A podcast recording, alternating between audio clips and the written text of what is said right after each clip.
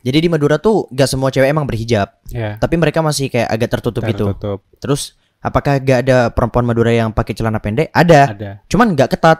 Pas, Iya. pas sampai di sini kayak wow gitu kayak. Ya, Wow-nya gimana tuh? Enggak, wow. Bukan ah.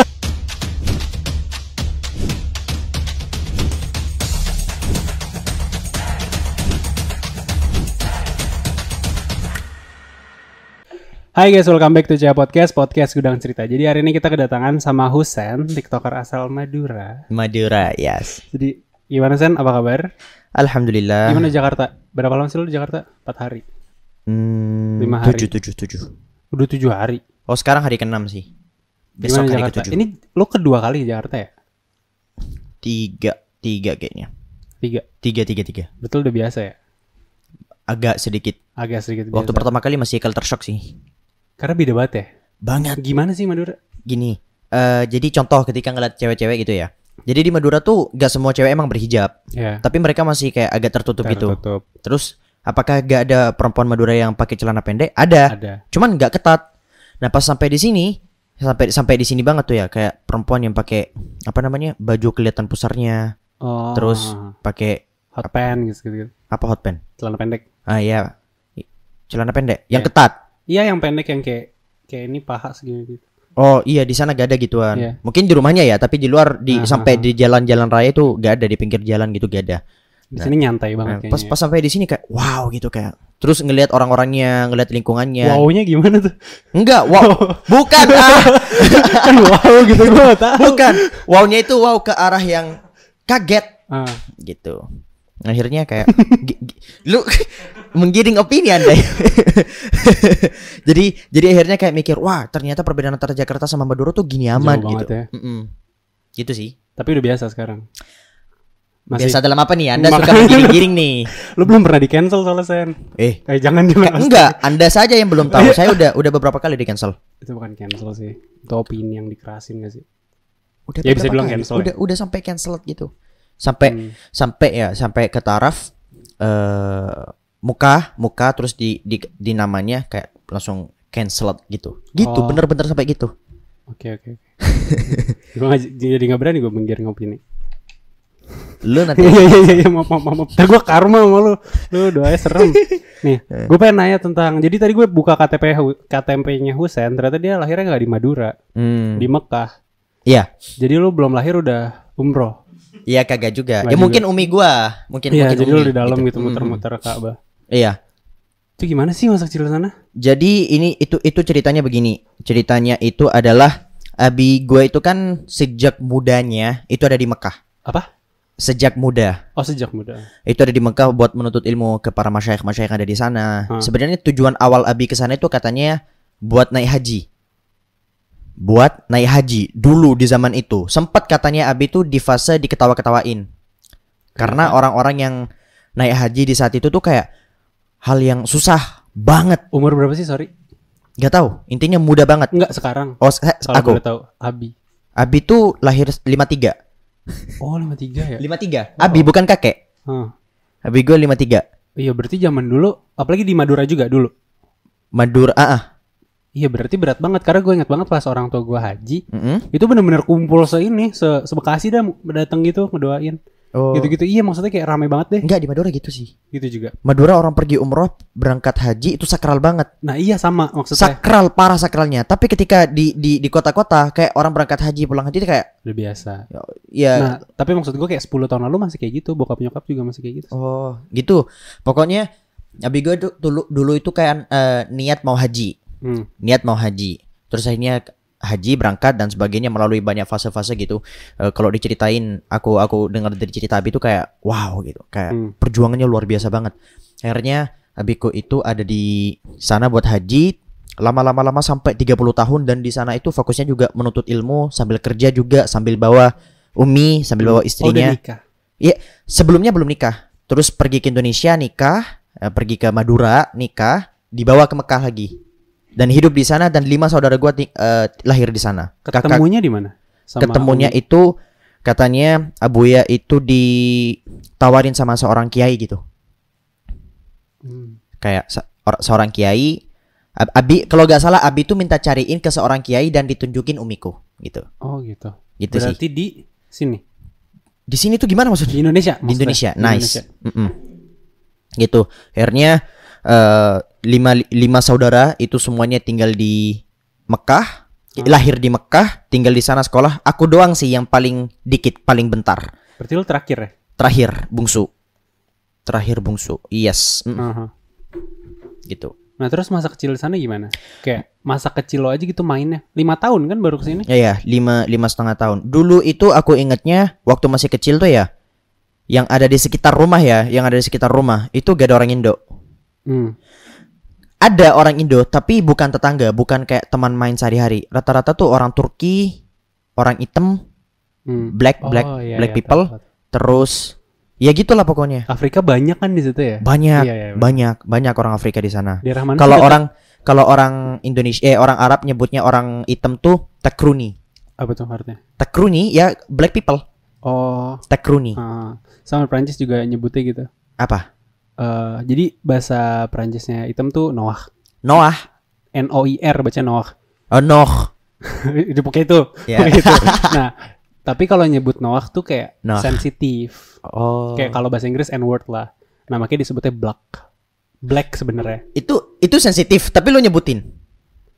Apa aman aja? Noah tuh hitam artinya, hitam nih Ah, warna. Bukan gak Nah, beda sama tapi kalau- N-word. Kalau beda, tapi Ah. kalau nyebut orang sebagai Noah itu sensitif. Paham Sama sih maksud gua? kayak kayak ejekan. Kayak bentuk ejekan ya sama kayak Iya, iya. takruni, takru. Iya, ya gitu sih. Nah, tapi Eh kalau orang hitam kan sama aja pakai Nah, bahasa tapi Indonesia. kalau misalnya nyebutnya black, itu enggak. Itu Enggak. mendeskripsikan. Black tuh black sebenarnya. Iya. Jadi bahasa Inggris serapan kayak gitu. Hmm, iya sih, iya sih, paham, Aha. paham, paham, paham. Tapi lu deket sama masjidnya nggak? Masjidil Haram. Hah, Dulu aku ingat waktu masih kecil tuh Masjidil Haram cuma jalan kaki. dekat. Dekat kayak sama Umi, sama Umi dibawa ke Masjidil Haram, sama berang, rata, sa- sama Abi dibawa ke Jumatan di Masjidil Haram. Iya, Hebat iya. Jumatan juga Jumatan keluargaku di situ. Gue juga kadang sana sih kalau Jumatan. punya punya pintu ajaib Doraemon ya. Tapi main gak sih? Pertanyaan gue itu sebenarnya kayak kan lima tahun tuh harusnya udah main. Main. Harusnya udah main. Main. main gak? Main. Aku ingat dulu itu eh, punya banyak tetangga diajak Hah. main, terus tahu tempat Coca-Cola yang kotakan gitu gak sih? Kayak kerat gitu. Ya, itu naik ke situ, Hah. terus dari atas itu kan begini, ser gitu. Kayak gue tahu deh maksudnya. Ngerti kan? Ah, tapi maksud lu mainnya sama anak-anak sana lu kenalan gitu. Belum, Iya, belum kenalan. sekolah kan? Apa udah sekolah itu? Belum, belum. Masih kecil sama-sama masih kecil. Itu doang sih yang aku ingat. Tetangga ya. Ah, yang aku ingat itu doang ya. Sebenarnya Mhm. ceritanya pasti lebih banyak lebih banyak dari itu. Cuman yang Oke, gue oke. ingat ya kayak beberapa cerita-cerita serpihan-serpihan ingatan kecil kayak gitu Nice. sih. Gitu. kayak mantan aja tuh. Eh, sebenarnya pertanyaan seriusnya lebih ke ini. Kan gua ngeliat lu tuh kayak polar energi gitu. Apa ya bahasanya ya? Polar Apa? energi. Kayak eh lu tuh beda banget dan energi lu tuh kuat. Hmm. Bukan Iya. energi kayak astral atau apalah ya. Iya, paham, paham. Sebagai ya human being aja. Kayak berasa energi lu tuh kuat di Hmm. hal yang dulu lu jalanin dan lu tuh beda sama kebanyakan orang. Nah, gua kepo itu kayak lu ngerasa nggak sih atau ingat nggak sih kayak ajaran apa dari orang tua lu yang bikin lu kayak gitu? Ah. Lu pernah nonton Kuroko no Basuke gak? Enggak. Anime. Jadi Kurokonya itu terkenal dengan hawa keberadaannya yang lemah. Hmm. Kurokonya.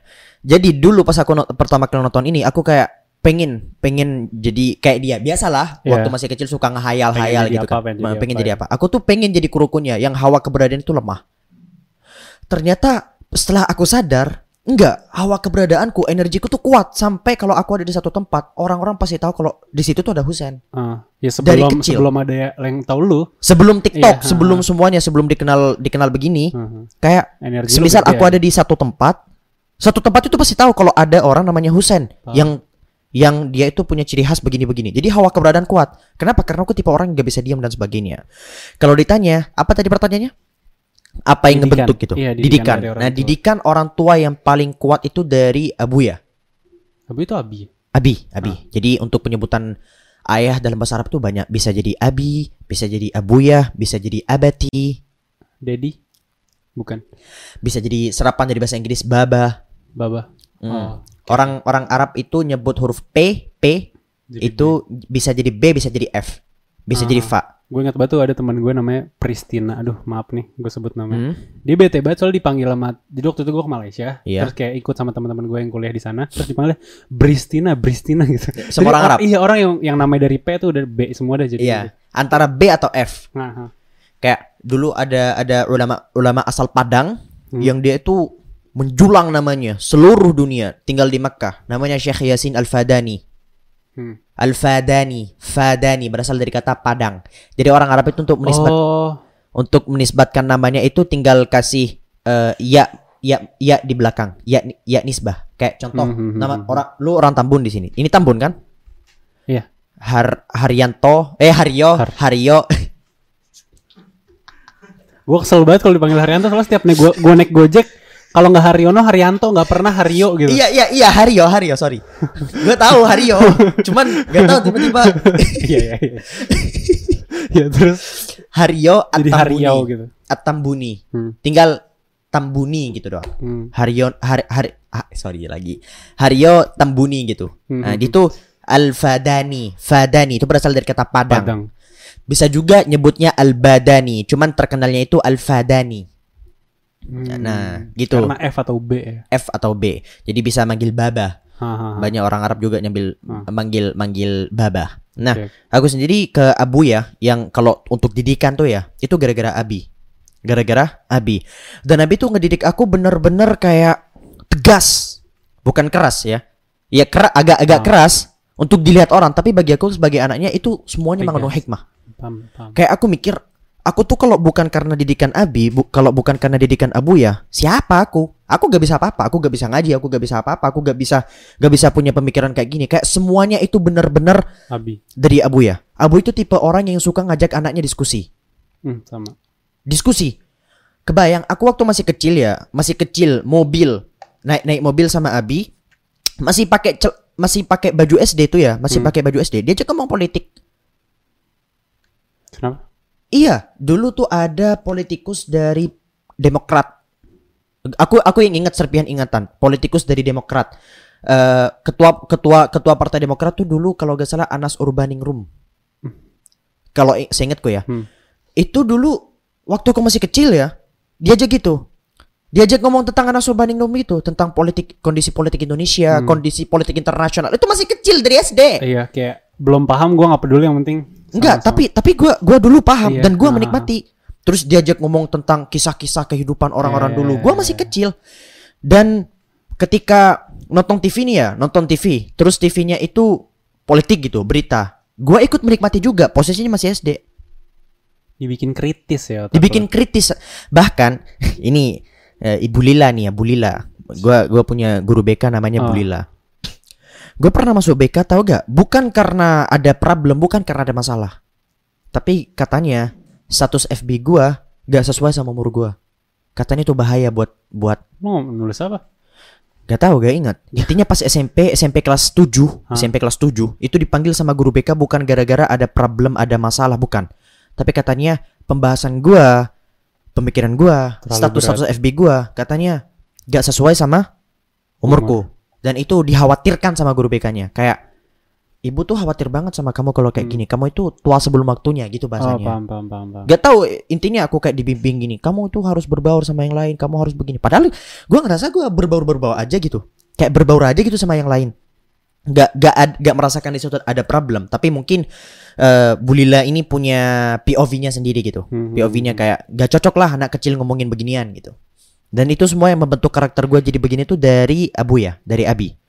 Abi tuh he's my hero gitu. Apakah pernah kesel sama Abi? pernah sebagai seorang anak ya pernah tapi alhamdulillah seumur hidup aku selalu ngormatin gak pernah Ah. ngelawan lima bersaudara gua li- lima bersaudara ya lima lima bersaudara gue yakin gak pernah ada satupun yang ngelawan ngelawan dengan cara ngerasin suaranya di, di depan orang tua. Oh paham paham paham. Gue yakin banget. Kalau debat diskusi sering. Aha. kayak semisal nih ya eh, orang orang tua ngasih ngasih satu bahasan tertentu terus kita sebagai anaknya gak setuju kita bakalan diskusi. Diskusi ini nih. Diskusi sampai lama ini tapi begini ini tapi begini tapi begini. Tapi kalau sampai ngelawan nggak pernah. Enggak pokoknya kalau gak gini aku aku Ah. keluar. Pokoknya kalau gak gini aku gak mau. An- nggak pernah nggak pernah. bersyukur banget bersyukur banget. Dan aku sampai sekarang kalau kalau ditanya masalah tadi kesel. Kesel pernah sebagai Aha. anak siapa sih yang Iya, nggak iya, pernah yang yang nggak jangankan ke orang tua ke teman sendiri ke Iya pasti. walaupun nggak punya walaupun anggap aja anggap aja gak punya pasangan nah gitu. Bisalah kesel Iya, sama iya, pasangan pasti bisalah lah. kesel sama semut yang lewat tadi kita bisa kesel kan gitulah tapi arahnya bukan ke sana di mana eh gue bersyukur banget lahir dari sosok Abi yang kayak gini. Abi itu keras. Bahkan dulu waktu masih kecil dulu waktu masih kecil aku ngerasa wah aku kok gini sih? Aku kok disuruh ngafalin Quran sih? Yang aku kok disuruh ngaji sih? Gitu. Hah. yang lainnya lo bisa main. Yang lainnya lo bisa bisa keluar kapan pun dia mau. Sedangkan gue sendiri kayak Hmm, punya jadwal punya deadline sendiri yang itu ngaji paham. ngaji Kok dikit-dikit disuruh ngafalin. sih gitu ya? Kok nggak nyantai sibuk sih? dan gue rasain hasil dari itu semua sekarang jadi gue dulu se- sempet sampai sampai gue gua ada di fase di mana gue itu mikir kayak kenapa gue gak nyantai? Kenapa gue beda banget sama orang gitu? Benar-benar waktu itu gue ah gila stres banget gitu. Ah. tapi gue gak pernah ungkapin ke siapa pun. Tapi sekarang di usia gue yang sekarang anggap 19 tahun nih ya gue merasakan hasil dari semuanya. dari semua itu.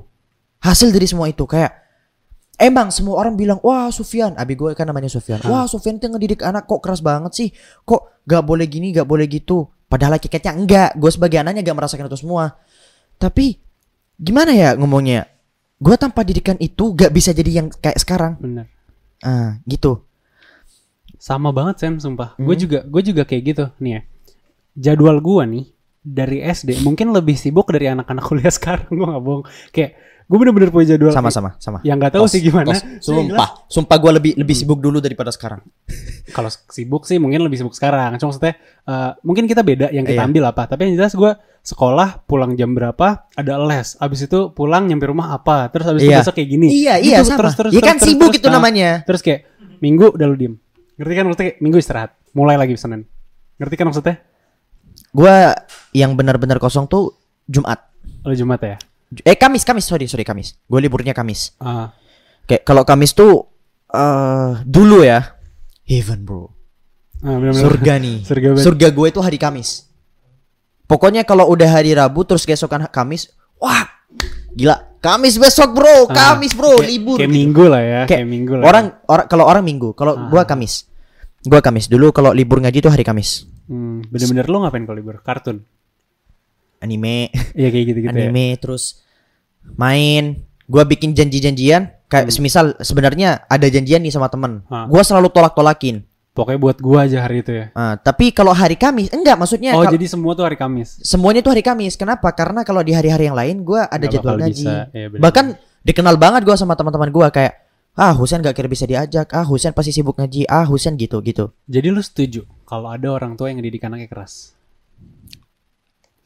Tergantung Kenapa tergantungnya? tergantung Kerasnya gimana? kondisi keluarganya lingkungannya semuanya dan gua dengan didikan nabi gua gua bersyukur banget gitu Menurut gue definisi keras tuh bukan kasar sih. Jadi kayak iya paham paham yang namanya keras kayak tegas tegas. iya bedakan dan- antara kasar sama tegas Iya. Dan Nah. menurut gue salah satu hal yang bikin lu jadi lu sekarang tuh Mm-mm. bukan cuma tegasnya tapi kayak eh karena banyak loh orang tua tuh yang tegas banget tanpa ngasih tahu why-nya, tanpa ngasih tahu Ah, al- no. alasannya. Nah makanya menurut gue kenapa lu bisa sampai titik ini tuh kayak orang tua lu tegas dengan ngasih tahu alasan yang jelas gitu loh. yes bener dan open gitu orang tua Mm-mm. lu. Abi gue tipe orang yang open. Abi gue tipe orang yang tegas. Abi gue tipe orang yang bilang ke anaknya, gak pernah maksa anaknya jadi apa pun. Tapi abi gue punya kayak syarat tertentu. Anak gue harus bisa apa aja. Harus hafal Quran, kata abi gue. Ah, Harus bisa baca kitab. Kata abi gue gini, anak-anak anakku, aku pernah dengar sendiri. Anakku terserah mau dia mau jadi pilot, dia mau jadi apa, dia mau jadi apa. Tapi abu, abiku tuh ngarep, ngarepnya ya, kayak diarahkannya ke mana. Hmm. Pengen anaknya tuh jadi ulama hmm. pengen anaknya tuh jadi guru gitu, guru agama. Enggak pun nggak apa-apa. Enggak pun nggak apa-apa. Tapi minimal walaupun enggak, walaupun dia jadi pilot, walaupun Ilmunya jadi dokter, ada. walaupun dia jadi apa pun, Ilmunya harus ada. punya dua hal. Bisa baca kitab, bisa hafal Quran. hafal Quran. Itu sih apa standarnya, standar sebagai anak abi gitu bahasanya kata kata kata Bu ya. Terus eh apa namanya kalau ngomongin masalah didikan Abuya banyak orang yang anggap keras padahal kita sebagai anak-anaknya kayak Nggak sudah mulai beradaptasi dengan itu semua. Jadi lebih keras dari orang kebanyakan aja. Jadi orang tuh Ya, ngeliatnya keras. ah, benar. Padahal padahal sebenarnya kayak biasa. Gua ngelihat teman-teman gua karena tidak ada apa ya gara-gara gak ada ketegasan, gua ngelihat banyak banyak hal yang terjadi di- dari dia. Benar. Kayak wah ini hasil gitu. Gua bukan ngejudge ya, Hmm. tapi kayak gua tahu gimana dulu lu diperlakuin. Gua tahu gimana lu itu dulu Pendidikan. sebebas apa lu gitu sebebas apa mungkin salah satu penyebabnya kayak gitu Gua- Abi gua setiap kali eh sorry sorry sorry Enggak apa-apa lanjut lanjut. sorry gua karena bentrokan Iya, aja iya, ya gua gua bukan ngekat sorry sorry banget Iya, apa apa. takut juga Nah, jadi Abi gue itu walaupun dia tegas walaupun lagi sedang dalam keadaan marah sama anaknya dia tuh ngasih tahu ngasih tahu alasannya sehingga gua sebagai anak kayak Paham. introspeksi Jadi paham gitu kan. paham oh aku salahnya di sini oh aku salahnya di sini oh berarti untuk ke depannya perkara kayak gini tuh jangan diulangi Ah, lagi Bukan Gitu. yang kayak mau bilang enggak ya enggak. Bukan yang kayak gitu Enggak, kan. enggak, Jadi bukan kayak, bukan Kamu tuh nggak boleh kayak gini karena ini loh. ah iya ada karenanya Ah, benar, benar, jadi bukan bukan cuman kayak marah pokoknya pengen marah Ah, aja tiba-tiba gara-gara moodnya moodnya jelek terus tiba-tiba mukul gitu enggak lah Iya, paham, paham, paham. paham. Terus gue pengen kepo tentang ini nih, kehidupan lu setelah udah ke Indo. Tapi bukan SD sih, lebih ke kayak SMP. itu tadi ke SMA. semua kehidupan di Nah Indo iya, maksud gue yang kayak gini. Eh, kalau misalnya gue jadi teman lu di kelas nih, Mm-mm. kan kayak lu tuh pesantren atau biasa sih? enggak gua gak pernah mondok Nggak, bukan pesantren kan? Nah, bukan gue pengen nanya kayak, misalnya kita temenan, Mm. gue tuh kenal lu tuh anak yang kayak gimana sih di kelas? Pokoknya kehidupan Iya. sekolah lu gitu. ini ya ini versi jujur-jujuran tipe anak yang banyak gerak ceroboh tukang ceramah tapi gua anak-anak tuh walaupun gua gua kasih kasih tahu tuh gak pernah dengan rasa terpaksa Hmm. kayak gua gua ceramahnya bukan ceramah assalamualaikum warahmatullahi wabarakatuh. Atau ketika ada teman gua yang gak sholat astagfirullah orang yang tidak sholat itu tempatnya di neraka. Bukan Iya, gitu. iya, iya, iya. gua ngerti nggak? Bukan bukan tipe orang yang ada ada teman tidur gak mau sholat hey neraka mana nanti anda? Gak gitu. Iya, kayak ayolah bro sholat ayo sholat. Ah diajak sholat masa gak mau ayo ayo sholat. Ngajak gitu ya. ngajak gitu ngerti? Tipe yang kayak gitu. Eh, terus dan rata-rata kalau gua ngelihat di situ gak ada problem misalnya cuman dalam perkara-perkara yang wajib eh bukan bukan perkara wajib dan bukan perkara haram biasanya gua biarin sih kayak Hmm, hmm, hmm. Contoh kayak sholat duha, biasanya gua ajak dulu. Gua Mau gua ajak. gitu ya. Kayak kalau dia, ayo duha yuk. Ah enggak, lagi lagi malas. Oh ya udah gitu. Kalau zuhur, Kal- Kalau zuhur biasanya agak gua tarik-tarik sih. tapi kalau dia nggak mau, Ya udah, biarin. Kalau Hmm. kalau udah benar-benar kelihatannya gak mau gitu ya, ya Iya. udahlah gua biarin. berarti lu setuju ya sama yang Suji eh, Pak Sujiwo Tejas yang ngomong Apa?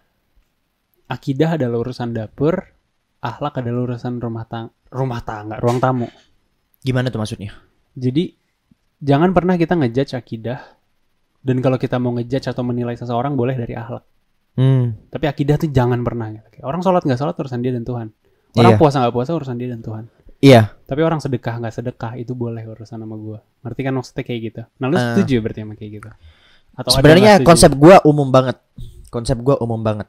Kayak Nabi Shallallahu Alaihi Wasallam itu pernah bersabda gini, "Man ra'a minkum munkaran falyughayyirhu biyadihi" itu. Barang siapa yang melihat kemungkaran, kemungkaran melihat suatu keburukan ya, Ya. keburukan dalam bentuk apa pun, itu hendaknya dia mengubah dengan tangannya.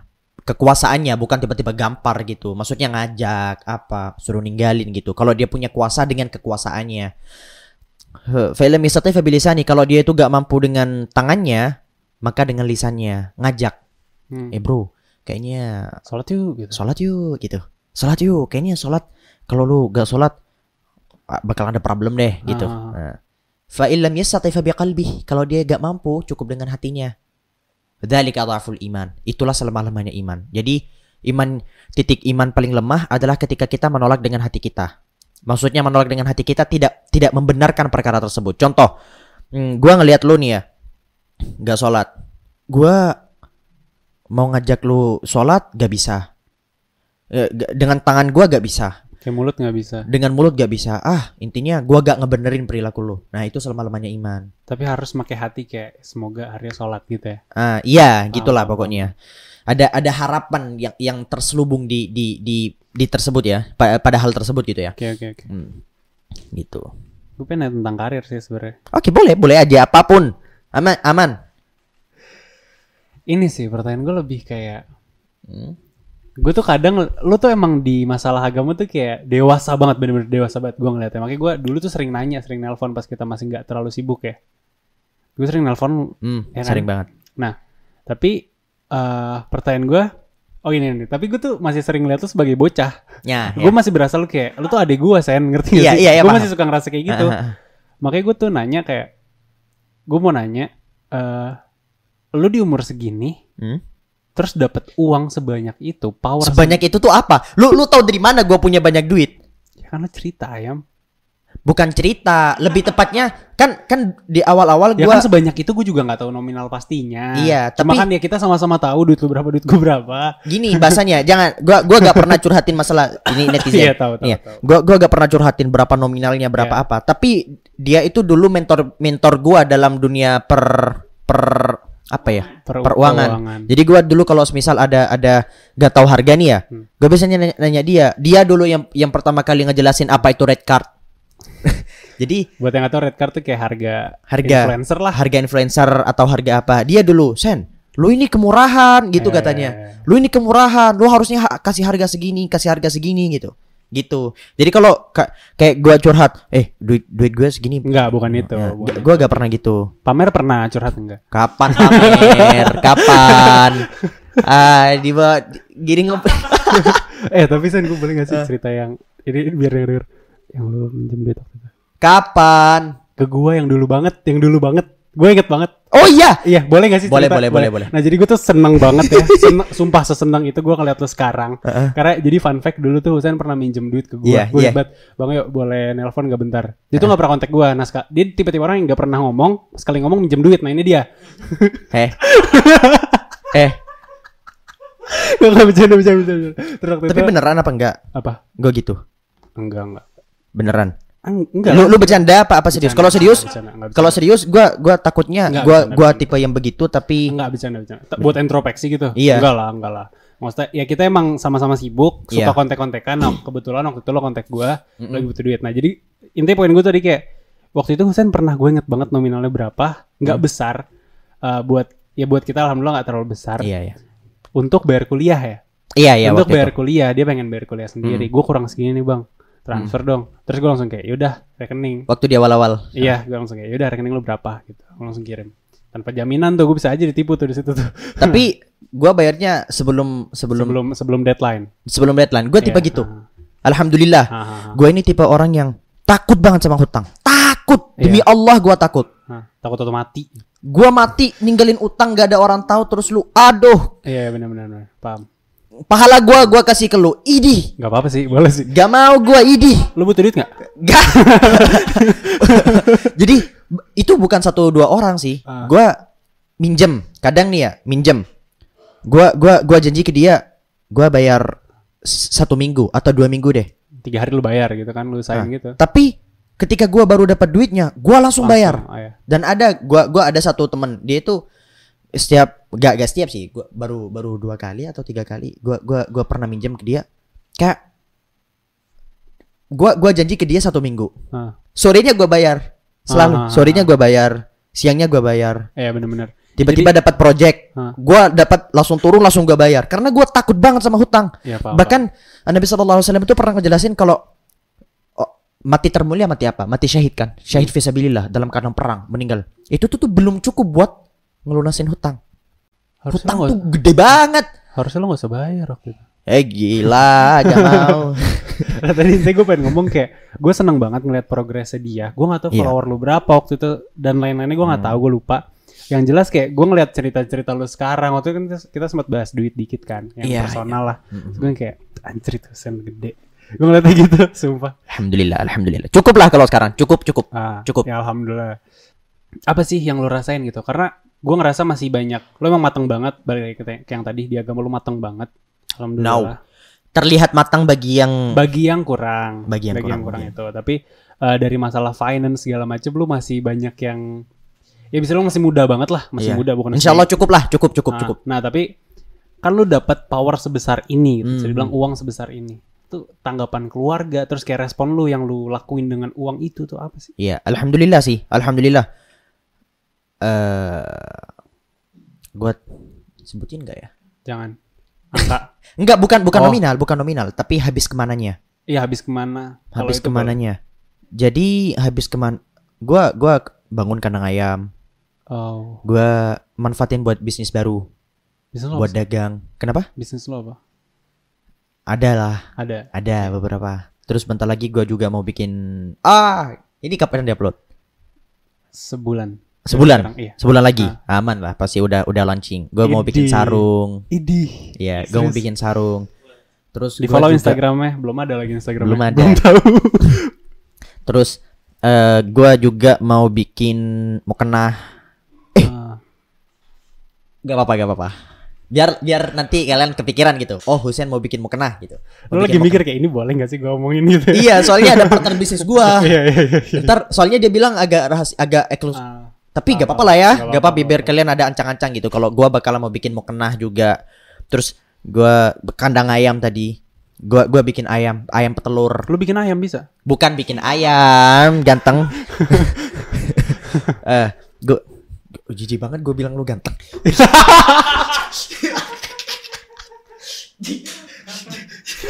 geli, langsung geli gua, langsung geli. Ah, ya kalau di telepon gak apa-apa sih ah, geli banget.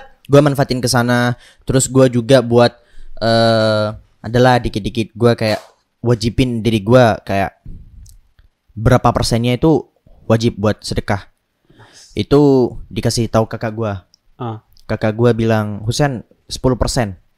10% 10% dari gaji lu." Dia cuma nyaranin, tapi gua gua lakuin. Kayak kata kakak gua, 10% itu lu tumpuk, nanti lu lu manf- ketika udah udah kekumpul nih ya, kekumpul banyak jadi 10% lu, lu nanti gunain buat apa dah? Buat misalnya umrohin orang tua contoh. Atau itu lu itu bisa masuk dalam sedekah iya, oh iya iya. oh oke oke Terus atau lu pakai buat apa gitu? Kayak eh begitulah, you know.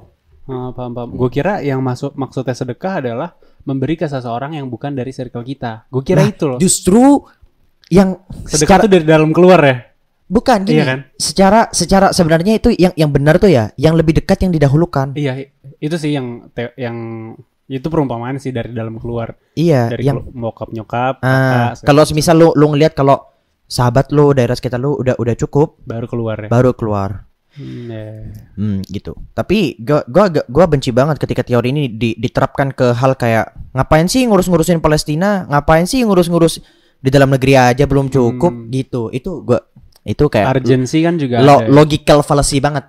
Ah, Kayak seakan-akan kita gak bisa dua-duanya. ya Padahal di satu sisi kita bisa buat di A, tapi di satu sisi kita juga bisa bantu mereka. tapi batasan batasan sedekah ke circle dalam Mm-mm. itu tuh di mana? Maksudnya kayak kan lu tau lah kebutuhan primer, sekunder, tersier. Primer yang makan segala macem. Ya sudah itu. Sekun sekunder yang kayak misalnya pengen biar hidup nyaman gitu, ada AC, ada apa. Ya kalau kalau kalau gua sendiri ketika ngerasa dia itu udah kayaknya perlu deh gua bantu. Gua bantu. Ah, oh gitu. Oke oke. Nah, gitu. Bukan sesuatu yang tersier ya. Tergantung sih, tergantung. Barang mewah gitu-gitu. Enggak. Enggak. Gua gua gua belum belum sampai ke taraf sana. Belum sekaya itu. Ah, maksudnya akan atau enggak? Akan insyaallah. Untuk orang tua gitu ya. Enggak enggak enggak. Orang tua bukan tipe orang hedon. Alhamdulillah. Untuk diri lo. Untuk maksudnya Barang mewahnya maksudnya. Untuk gua, gua kayaknya bukan bukan fokus ke barang mewah. Gua lebih fokus bentuk kayak kayak contoh baju nih ya. Hmm. Ada barung barung, baju mewah banget ya. Baju mewah banget. Tapi ada dua. Ini dari merek terkenal, ini dari bukan dari merek terkenal. Gua pilih dari bukan yang merek terkenal. Karena lo gak peduli sama brand ya. Enggak, gua gak peduli sama brand. Asalkan gua ngelihatnya oh ini bagus deh, gua la- gua langsung bawa gitu. Hmm, paham, paham, paham, paham. Gitu. Kayak orang yang ngelihat brand ya menurut gua ya, orang-orang yang terlalu fokus sama brand, ya fokusnya itu-itu aja. Berarti tanggapan lo sama hedonis tuh apa? Ya nggak hedonis juga ya, kasa, hedonisme tuh- iya hed- ngerti kesannya kayak bahaya banget. Maksudnya kayak orang yang materialis lah, yang kayak Gak, gak ngejar suka duit gitu-gitu. Nah, maksudnya Ngejar duit itu apa maksudnya? Bisa jadi or- ada orang ngejar duit tapi dia ngejar baik. duit yang materialis. Yang maksud sifatnya cuman gue? untuk jadi materi. Oh, ah gak gak setuju banget. kenapa maksudnya? Gak setuju banget like dia butuh validasi dari orang gitu. Hidup dia semua tentang orang lain, ngerti? Dia merasa itu buat dirinya sendiri, tapi di satu sisi dia itu untuk menunjukkan. untuk menunjukkan. Hmm. Tapi tergantung, ada beberapa orang yang dia pakai itu cuman buat kesenangan dia pribadi. Dan gua nggak pernah nemu sampai detik ini orang yang kayak Lu gak pernah nemu. nggak pernah nemu. Dia ngomong kayak gitu ke gua, aku suka ini, gue suka ini. Tapi ujung-ujungnya buat dipamerin ya. Iya ya, iya, Nggak pernah yes. nemu, nggak pernah nemu. Iya kayak itu cuma di mulut doang. Ya gua nggak, Kita kita kita nggak, I'm not here to judge. Gua nggak di sini buat menilai orang, Iya, iya. tapi eh, dari sekeliling gua, kalau misalnya ada yang bilang enggak orang aku suka kok, orang gua suka merek ini, gua suka merek itu, makanya 50 juta juga gua beli. Tapi kayak, Iya ya, I know, I know. Hmm, yes. kan? Gitu gitu, paham. Dan gue berkali-kali tuh yang kayak orang-orang yang kayak gitu, gue bukan ngejudge, bukan jelek ya. Itu beda aja kayak kita beda. Hmm. Iya, sama kayak Kita beda, kita punya POV yang berbeda. iya, opini yang beda sama kayak orang beda agama ya apa harus ribut kan enggak juga iya, kan. iya. Nah, jadi eh ada orang yang kayak gitu, terus gue ajak ke diskusi masalah bisnis lah, gue ajak ngobrol-ngobrol gitu-gitu. Bisa dibilang simpelnya gitu. Eh terus kayak yang jelas intinya pas dia udah mulai ngerti duit gitu. Hmm. Dia udah mulai ngerti duit yang kayak gila tas 50 juta buang-buang banget ya. Ngerti gak sih maksudnya? Oh. Ngerti gak sih? Jadi Iya. kayak tadinya kan kebanyakan ya di sekeliling gua anak yang pakai itu ya kan seumuran gua nggak mungkin make money sebanyak itu untuk Hmm. bikin untuk dapat beli itu kan. Hmm. Kebanyakan dari duit orang tuanya gitu. Hmm. Tadi yang kayak oh beli sepatu 20 juta bodo amat bagus, beli sepatu ratusan juta nggak apa-apa bagus gitu-gitu. Hmm. Terus kayak pas udah bahas bisnis gitu. Kita tuh butuh sekian loh. Sekian tuh cuma segini loh. Ngerti gak sih maksudnya kayak Oh 100 juta tuh nggak sebanyak itu loh di bisnis. Kayak satu miliar tuh nggak sebanyak Iya. itu loh di bisnis mereka kayak "Ah, salah ya gue. tapi di sisi lain kayak nggak sebanyak itu tapi di sisi lain banyak banget ngerti gak sih? Iya. Kalau lo bisa memaksimalkan 10 juta 10 juta gitu bisa lo maksimalin tuh bisa besar banget hasilnya. Iya, iya. Tapi di sisi lain nggak sebesar itu juga ngerti gak sih maksud gue? paham, paham, paham. gitu. paham. Nah pas mereka mulai paham itu kayak gue salah deh. Iya, iya. Kebanyakan gitu ya. Mhm. Ya tapi sampai sekarang juga ya nggak apa-apa lah. Maksudnya lu mau beli ini itu hidup. lu. Iya, hidup lu juga, tapi begitulah Ya intinya intinya kayak kita beda banget pendapat. kita beda. Tapi kalau misalnya gue mau diajak discuss, debat segala macem, gue tuh kayak gue yakin gue gak akan berubah Hmm. mindset. Alhamdulillah. Insyaallah, amin. Nggak tahu juga sih ya. Cuman Ya gue gue doa semoga selalu begitu. Ah, Iya maksudnya bukan gua mandang itu buruk lah, cuma Hmm. kayak kadang gua gua mikirnya gini kalau mau jujur ya, gua mikirnya kalau bisnis oke deh fine emang emang bisnis tuh duit, tapi di sisi lain misalnya gue beli laptop 20 juta, apakah Iya. gue bisa maksimalin ini untuk bisnis? Bisa dong. Bisa. Tapi kalau misalnya kayak gue beli tas 20 juta, kadang gue mikirnya apa ya? Gue terlalu belibet nih ngomongnya. Intinya kadang gue misalnya beli tas 20 juta, kenapa gue nggak beli tas 200 ribu dan 19 juta 800 itu gue sumbangin? Kadang gue mikirnya gitu. Oh, lu lu tipe kayak tipe yang kayak gitu. Iya, kayak Hmm. maksudnya kalau emang lu Eh, Ingat, berhubung- di sini gak ada ju- judgement, Iya. bukan bukan buat Kita takut ngejudge. buat dijudge ya kayak. Enggak, bukan. Bukan kayak takutnya ada orang salah paham. Iya, iya, terus nanti tiba-tiba berbalik ke gua gitu. Hmm. Nah, jadi di sini cuman kayak pu- punya kita Ya, ini punya view kita aja. hmm, POV yang berbe ber, Berbeda. ber- berbeda. Anak Tangsel nih, Ta- Tangsel. Tangerang Selatan. ya gua gak tahu lu Tangerang mana. Intinya bukan Jaksel ya? Jaksel apa Iya, Tangsel? Jaksel cuma lu kan Tangerang. Biasanya biasanya Jaksel, Kenapa- Jaksel, kenapa Jaksel. lu gua Tangerang? Enggak tahu. Udah mata. Ya begitu pokoknya. Jadi kita punya POV yang berbeda gitu. Kayak gitu deh. Gitu. Jadi tapi dari sisi keagamaan sebenarnya kayak Oh iya ya benar. hmm, dari dari sisi-sisi keagamaan di mana ada sesuatu yang harusnya melekat pada setiap orang beriman yang disebut sebagai zuhud. Zuhud itu pada hakikatnya banyak orang menganggap zuhud itu meninggalkan dunia sampai-sampai dia gak kerja, sampai-sampai dia begitu you know lah orang-orang agamis dan sebagainya yang yang sampai ke taraf dia itu benar-benar jadi orang miskin, gak makan Oh, dan sebagainya. Yang mindset ini ya kayak orang muslim tuh nggak boleh kaya. Nah Kayak gitu, itu salah banget. Gua punya role model satu role model yang gue jelasin tadi. Eh, dia itu namanya Syekh Said Al Kamali. ya. Hmm. Dia tuh punya satu video dia yang trending banget, yang trending parah.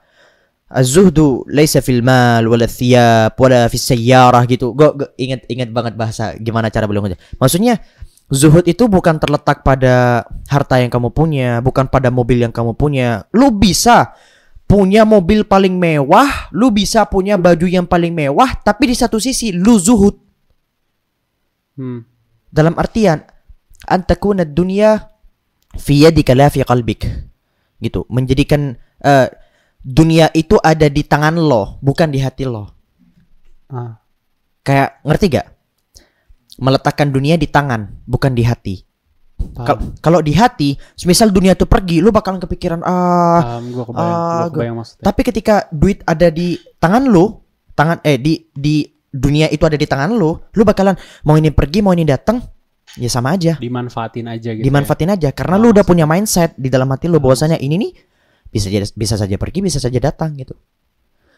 Gitu. Dan gua menerapkan konsep kebahagiaan nih banyak orang. Sorry ya kalau ini agak agak sedikit ngebantah. Terserah. Kita punya POV yang berbeda. Kayak orang bisa bahagia loh tanpa duit.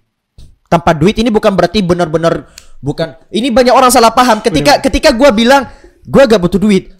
Tapi lu perlu duit buat makan. Bukan gitu Iya, maksudnya. gue kesel banget, gue sering banget ngomong kayak, gue tuh gak butuh duit, tapi kayak, ya terus lu makan gimana ya? Bukan itu maksudnya. Bukan gitu maksudnya. Ya, Maksud tutup gua gak butuh duit dalam artian fokus kebahagiaan gua Bukan di situ. bukan dengan banyak atau sedikitnya, tapi gua cukup aja udah gitulah, you know ya. Iya kasarnya kayak intinya kita cukup dengan uang ya orang beda-beda lah ada yang Iya. pengen makan segala macem dengan uang sekian ketutup sisanya tuh bener-bener bukan duit gitu Iya, kan itu nah, maksudnya kan Iya. Jadi apakah gua gua pengen kaya? Pengen. Tapi fokus gua bukan bukan sebagai sumber kebahagiaan dan sebagainya.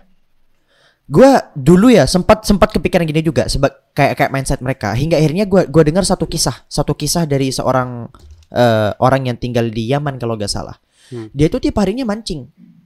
Kayak makannya tuh berasal dari mancing. Mau makan siang, sore, pagi, dia tuh dari mancingnya. Akhirnya di, di dibilang sama tetangganya, "Hei, Fulan, Fulan itu doi. Eh, Fulan, wahai Fulan. Eh, kamu gimana deh kalau kalau mancingnya ditambahin dikit katanya. Ditambah dikit biar makin banyak hasilnya biar makin banyak. Terus ditanya, "Buat apa?" "Ya bi- biar kamu bisa jual." Lah, saya kan butuhnya ini buat makan doang. "Ya biar kamu bisa jual." "Terus kalau saya jual gimana?" Dapet "Ya duit. kamu dapat duit." "Ya terus kalau saya dapat duit gimana?" "Ya kamu bisa beli barang-barang yang kamu yang kamu pengen." "Lah, kalau saya bisa beli barang yang saya pengen, kenapa?" "Ya, kamu bakalan bahagia." Nah, sekarang saya udah bahagia kata dia. gue inget banget lu ceritain di telepon kalau salah. Jadi kayak nah, sekarang ini lu udah bahagia. Sekarang se- eh lu, sekarang ini gua udah bahagia. Nah, Kayak kita ngejar yo bla bla bla. padahal bahagia di sini Padahal aja bahagia di sini. iya Sorry kalau kita punya POV yang berbeda ya. Kita punya POV yang berbeda. Tiba terserah lu mau bilang gua munafik atau apa, tapi ini ini iya gua udah gua udah berteman ya sama orang kaya banget, kaya banget. Untuk seumuran gua, kaya banget. Gua udah berteman sama orang yang pinter banget. Tapi gua bisa merasakan ketenangan cuman ketika gua bareng sama orang berilmu, sama orang ulama, sama ulama. Gue bisa merasakan ketenangan, bisa merasakan kebahagiaan ketika bareng mereka. Ketika bareng orang kaya, di pikiran gua apa ya? Paham. Kosong hati gua. Nah makanya tadi gue pengen nanya ini. Next question gue adalah lu kan bilang lu gue pengen kaya tapi bukan itu sumber bahagia gue. Iya. Ya kan. Nah next question gue adalah menurut gue banyak banget orang yang bilang gue pengen kaya Mm-mm. tapi dia nggak tahu kenapa. Iya. Gue pengen kaya aja. Mm-mm. Gue pengen beli ini pengen beli itu. Kenapanya tuh nggak punya ujung yang jelas ngerti kan? Iya. Nah gue pengen karena menurut gue gini, kalau emang kita mau kaya, mau punya tujuan apa pun, kita harus punya tujuan yang jelas, bukan tujuan akhir ya, Mm-mm. tapi tujuan yang jelas gitu. Iya. Seenggaknya itu tuh valid gitu, bukan yang kayak gue Yes. ini gue beli itu. Nah, kalau lo apa tuh? Gue pengen banget punya pondok pesantren yang besar, yang punya bisa mengayomi banyak santri, santri yang gak mampu. Bahkan SMP gua, abi abi gua sekarang kan bangun SMP ya, SMP masih baru. Itu benar-benar gratis full, uang gedung, uang seragam, uang buku semuanya gratis. Dan gue pengen kembangin itu. Pengen bikin SD gratis, SMP gratis, SMA gratis. Berarti itu alasan kenapa lo kaya. Nah, gua gua pengen gua pengen ke arah sana. Jadi setiap kali gua suka banget ngayal. Di dekat rumah gue tuh ada tanah. Nah, Gua ngayal. Kalau tanah ini gua nanti beli gimana ya? Gua bakalan bangun pondok besar kayak paham, paham. suka suka ngayal gitu. Gua pengen nanti di sini gua bisa ngundang ulama ulama besar. gue suruh ngajar di sini sering banget gue gua ngayal begitu Nah, gitu. Kalau kalau ditanya tentang alasan kenapa gue pengen pengen kaya dan sebagainya. Dan sebenarnya kaya itu gak dilarang. 10 se- jadi kalau kalau kita urutkan para sahabatnya, kita urutkan para sahabat Nabi Shallallahu alaihi wasallam itu urutannya ada 4, ada 10, ada seterusnya. Empat Jadi empat sahabat terbaik, empat sahabat terbaik itu Abu Bakar, Umar, Utsman, Ali.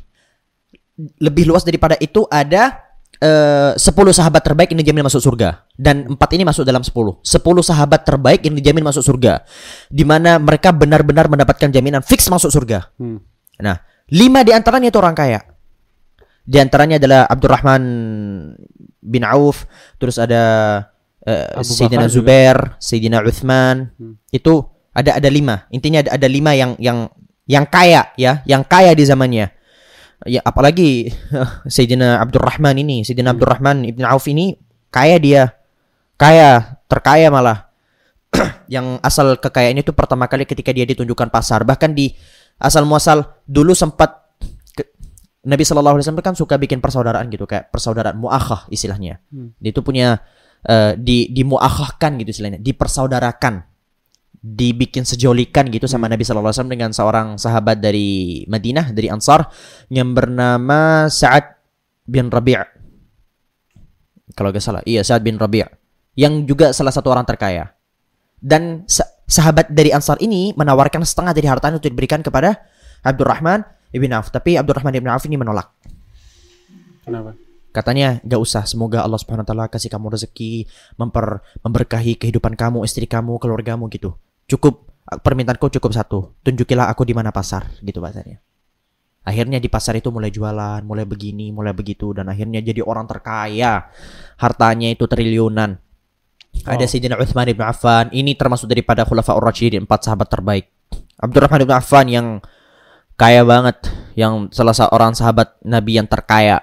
Jadi kalau dibilang apakah kaya itu dilarang? Ini gimana dilarang? Wong lima orang di antara 10 sahabat terbaik Nabi Muhammad SAW saja adalah orang Kaya. kaya. Bahkan ketika apa namanya? Sayyidina Abdullah ibn Abbas radhiyallahu taala anhuma itu suatu hari akan mendebati Khawarij. Khawarij itu adalah mereka yang ekstremis. Hmm. Ya begitulah intinya aliran sesat di zaman itu. Hmm. Yang mereka sesat. Eh by the way gue lepas jaket sama itu soal gerah. Lanjut Oke. Sen. Tadi Eh, bahas Tadi sampai ke Sidina Abdullah bin Abbas ya. Jadi kalau ngomongin masalah kaya dan sebagainya, perhiasan dan sebagainya, apa namanya?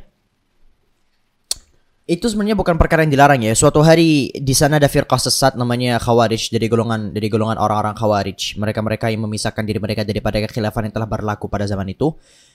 Intinya Abdullah ibn Abbas radhiyallahu tabaraka taala anhuma ini mendatangi mereka menggunakan pakaian terbaik di Yaman, menghiasi dirinya dengan hiasan terbaik, merapikan rambutnya dan sebagainya. Lalu mendatangi mereka dengan pakaian seperti itu. Khawarij itu adalah mereka yang semangat belajar agama, eh semangat untuk beribadah, semangat dalam agama, tapi mereka tergesa-gesa tanpa melakukan kajian-kajian. Bahkan Abdullah bin Abbas melihat ketika mendatangi mereka, melihat keadaan orang-orang Khawarij pada saat itu, mereka itu dahi-dahinya bekas hitam akibat sujud, Ah. lalu mereka adalah orang yang taat ibadah.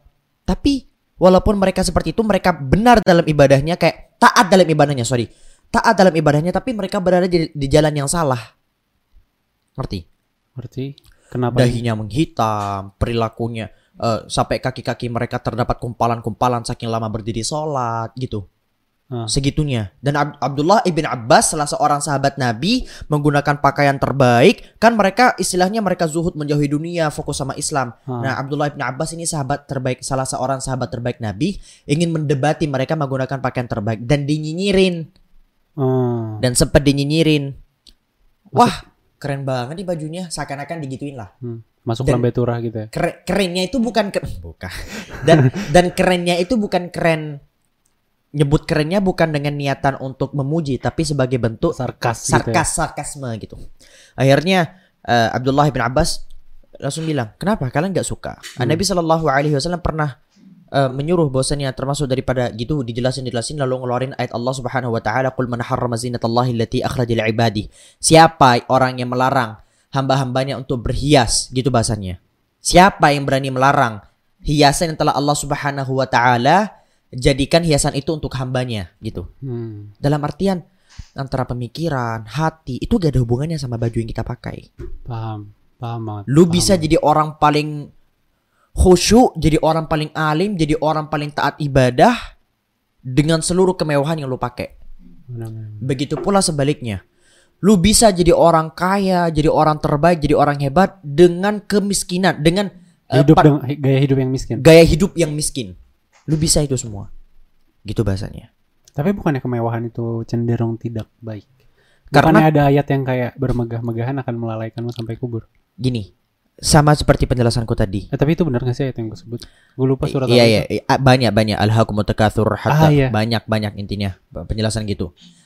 Kenapa hal tersebut itu sangat tidak dianjurkan bagi orang beriman gitu masa dalam arti yang bermegah-megahan. Nah, di sana kenapa?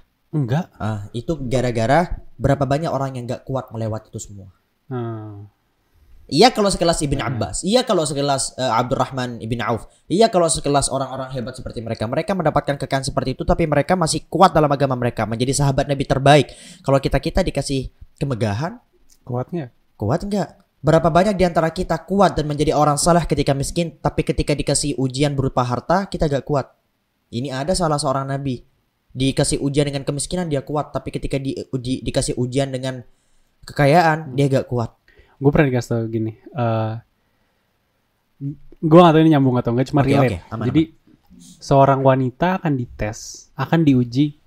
Intinya Hmm. seorang cewek akan diuji ketika laki-lakinya tuh sedang rendah, tapi laki-laki akan diuji hatinya ketika Ya benar. dia sedang di atas. Nice, benar. Nah, jadi emang bener banget sih kayak maksudnya gue nih ngerasa ya gue bukan di atas atau gimana ya, gue bukan ngerasa gimana-gimana, cuma gue tuh ngehindarin banget yang namanya megah, mewah, terus merasa bos itu tuh gue menghindarin banget karena kayak gue bahkan puny- pernah punya pemikiran gue debat berkali-kali kayak gue nggak mau punya rumah karena itu alasannya. Why? Itu alasannya. Salah satu alasan utama di situ gitu kayak gue gak mau punya rumah dan gue merasa kayak wow I'm the boss in this house ngerti kan maksudnya kayak gue yang lu lu gimana rencana ke depan? gue sempat mikir kayak gitu nah so far belum ketemu jawaban pastinya cuma so far yang jelas gue akan beliin rumah untuk either atas nama istri atau anak Hmm, itu Bukan pilihan milik ya. gua. Itu pilihan lu ya. iya cuma maksudnya kan belum ketemu jawabannya Yes, sampai yes, sekarang cuma gue mikirnya kayak ah gue takut mentality anak gue gimana gue takut ada financially goyang segala macam itu kan gue pikirin juga kan Hmm. cuma jujur sampai sekarang untuk pribadi gue belum mau punya Yes, yes paham gua, Gitu. paham.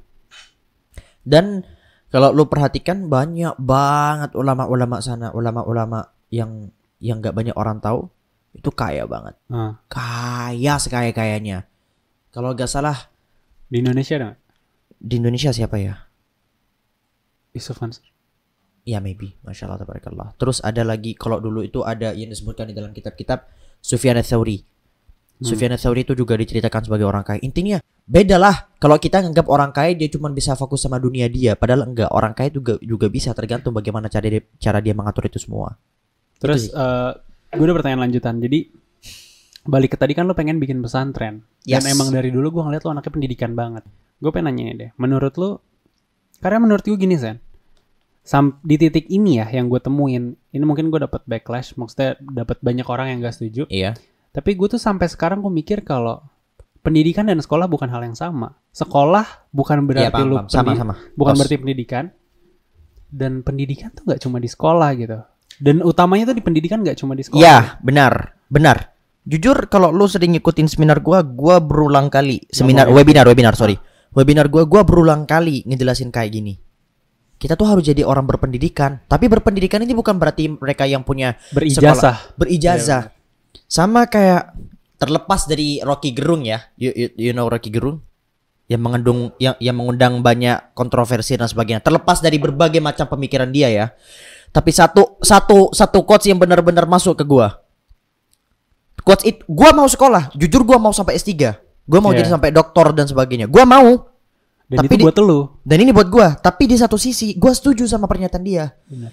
sekolah, kuliah dan sebagainya itu itu tanda orang pernah eh buk hanya tanda orang pernah eh ijazah. Ijazah itu tanda orang pernah sekolah, bukan tanda orang pernah, Pernah berpikir. berpikir. Gitu.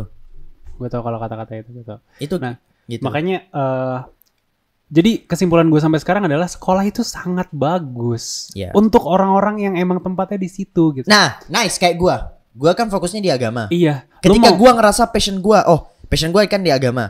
Terus gua selinier, ngerti nggak? Sama sama yang gua Iya, suka. sejalan gitu. sejalan, sejalan gitu sama ya- yang gua suka. Gua ngerasa bermanfaat banget buat gua. Tapi ketika gua sekolah tapi eh, sekolah atau kuliah dengan jurusan atau dengan apa yang sangat berbeda daripada passion gua, Ya bisa. ngerasa Nggak bisa gitu kan. nggak bisa. Sorry, mungkin ada banyak orang punya pandangan berbeda tapi di gua nggak. Mhm. Kayak sorry to say, Ya kayak misalnya lu buang jurusan buang apa? waktu gitu. ju- jurusan apa terus kok ada pelajaran ini sih ngapain sih? Gitu. Pernah nggak mikir kayak gitu? Enggak. Gua Masa sih? sampai sekarang masih bagus-bagus. Ma- apa? eh, matkul gua masih relevan sekali, Masih nyambung. masih nyambung. Oh. Dan ketika gua baca ke depan gitu kayak beberapa matkul-matkul ke depan masih nyambung sama gua. Gua kan jurusan ilmu hadis. Hmm. Gua jurusan ilmu hadis di Fakultas Usuluddin dan Filsafat UIN Surabaya. Dan sampai sekarang matkulnya masih nyambung, masih bagus lah, masih gua suka sama matkulnya.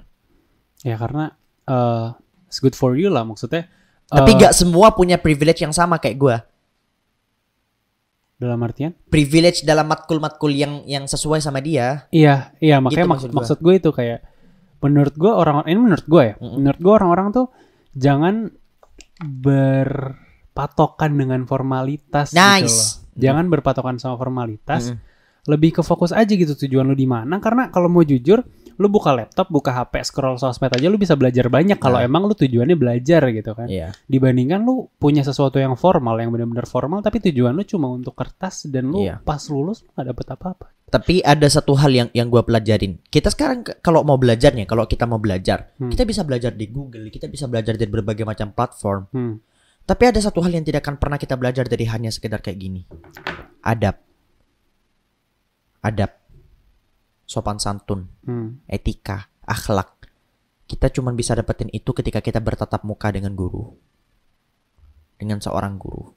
Nah, makanya maksud gue tuh yang kayak bukan berarti dong, bukan berarti kalau kita belajar dari internet kita nggak ketemu sama orang dong. Iya, Ya kan? tapi ini ini berlaku cuman buat itu ya. Cuman berlaku buat ilmu umum ya. Kalau Hmm, ilmu agama sangat tidak berlaku.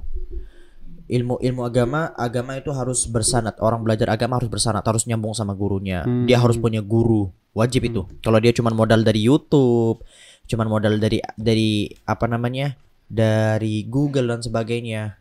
Kalau cuman Oke, buat oke. sekedar pengetahuan tambahan, it's okay. Hahaha. Tapi kalau sebagai sumber ilmu dia satu-satunya cuman di situ yang utama, Nah, nggak bisa. nah, karena maksud gue gini, kan internet bukan berarti cuma sosmed. Nice. Misalnya kayak ada A gitu, Zoom. orang dia misalnya Zoom. ya siapalah Husain Basyaiban gitu. Lu buka kelas. Hmm. Nah, itu itu kan bisa dibilang ngerti kan? Lebih Iya, paham, intens paham, juga. paham. Jadi hal-hal yang emang gak bisa didapetin di sosmed masih bisa didapetin. Emang Iya. butuh biaya atau apalah gitu. Hmm, itu Paham, sih paham. maksud gue. Iya, paham.